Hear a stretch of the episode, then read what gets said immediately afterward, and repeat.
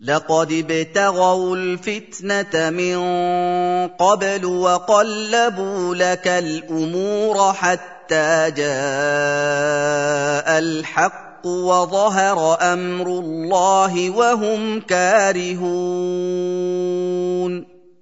Sungguh, orang-orang munafik itu telah berusaha keras untuk membuat kerusakan dengan memecah belah persatuan dan kesatuan orang-orang mukmin sebelum perang Tabuk.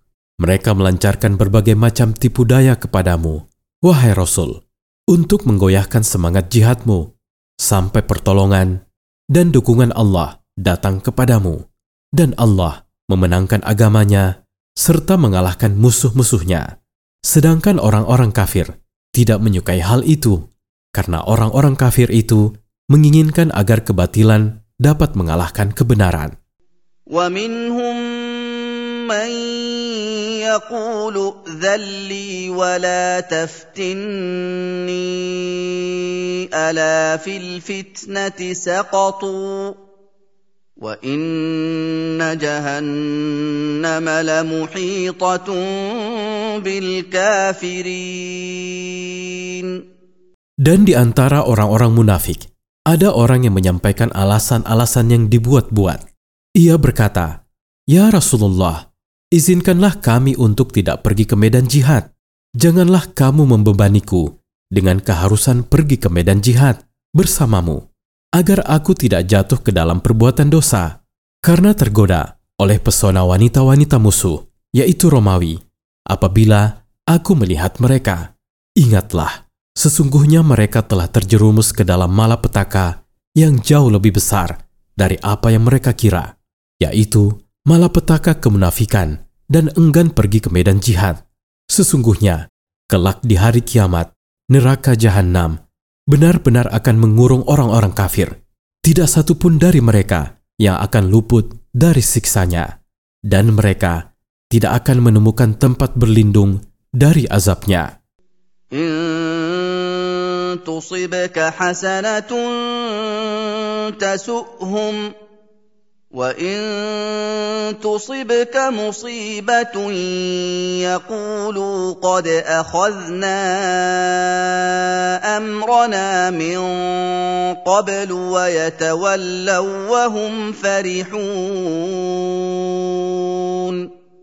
Jika kamu, wahai Rasul, mendapatkan nikmat dari Allah berupa sesuatu yang menyenangkan hatimu, seperti kemenangan atau rampasan perang, mereka pasti tidak menyukainya dan merasa sedih karenanya. Dan jika kamu ditimpa musibah, seperti mengalami kesulitan atau dikalahkan oleh lawan, orang-orang munafik itu akan berkata, "Kami telah berhati-hati untuk diri kami, dan kami telah mengambil keputusan yang tegas ketika kami tidak pergi ke medan perang bersama orang-orang mukmin." Kemudian mereka mengalami apa yang mereka alami, yaitu terbunuh dan tertawan oleh musuh. Lalu orang-orang munafik itu pulang ke rumah keluarga mereka dengan sukacita karena mereka pulang dengan selamat. قل لن يصيبنا إلا ما كتب الله لنا هو مولانا وعلى الله فليتوكل المؤمنون Katakanlah, wahai Rasul, kepada orang-orang munafik itu, kami tidak akan mengalami sesuatu kecuali apa yang telah Allah tetapkan untuk kami, karena Dialah Subhanahu wa Ta'ala, Rob kami dan tempat berlindung kami.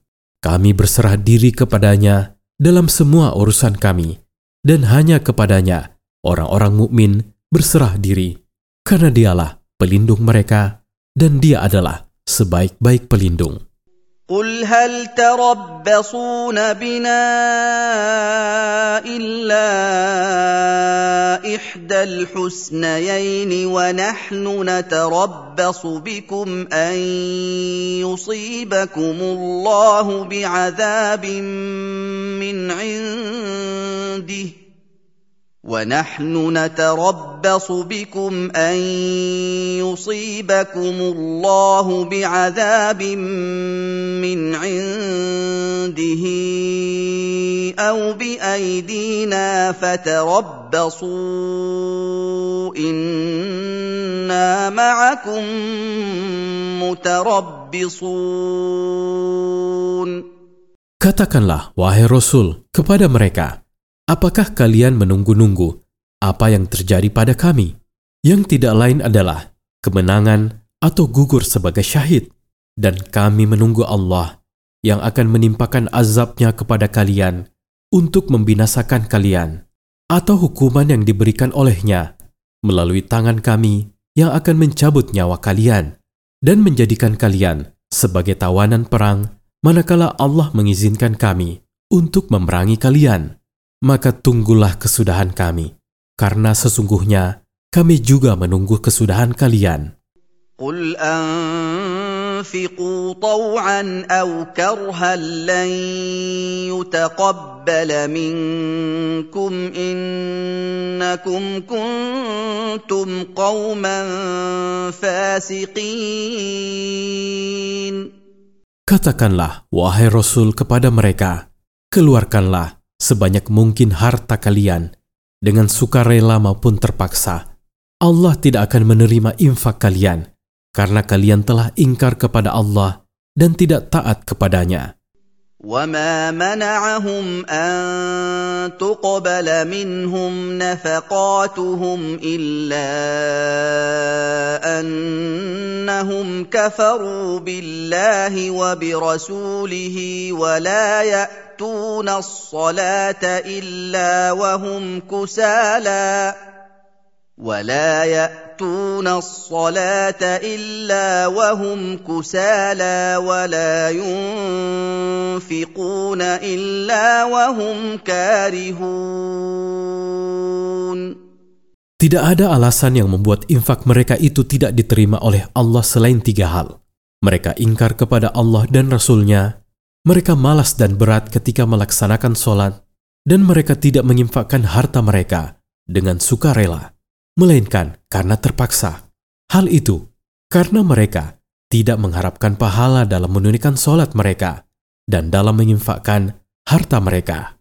Faidah dari ayat-ayat di atas. Pertama, kebiasaan orang-orang munafik adalah berusaha menimpakan kesulitan terhadap orang-orang Islam melalui desas-desus dan mata-mata. Kedua, tidak berangkat berjihad adalah kerusakan besar dan musibah besar yang bersifat pasti. Dan ia merupakan kemaksiatan kepada Allah dan Rasul-Nya. Ketiga, dalam ayat-ayat di atas terdapat pengajaran bagi kaum muslimin agar tidak berduka atas apa yang menimpa mereka, agar mereka tidak melemah sehingga lenyaplah kekuatan mereka. Tetapi hendaknya mereka rela kepada takdir Allah untuk mereka dan berharap ridho Tuhan mereka, karena mereka yakin bahwa Allah hendak memenangkan agamanya. Keempat, tawakal kepada Allah dalam arti menyerahkan segala urusan kepada Allah sesudah melakukan sebab-sebabnya, termasuk prinsip dasar iman. Kelima, di antara tanda lemahnya iman dan minimnya takwa adalah malas dalam menunaikan sholat dan infak bukan dengan kerelaan dan mengharapkan pahala.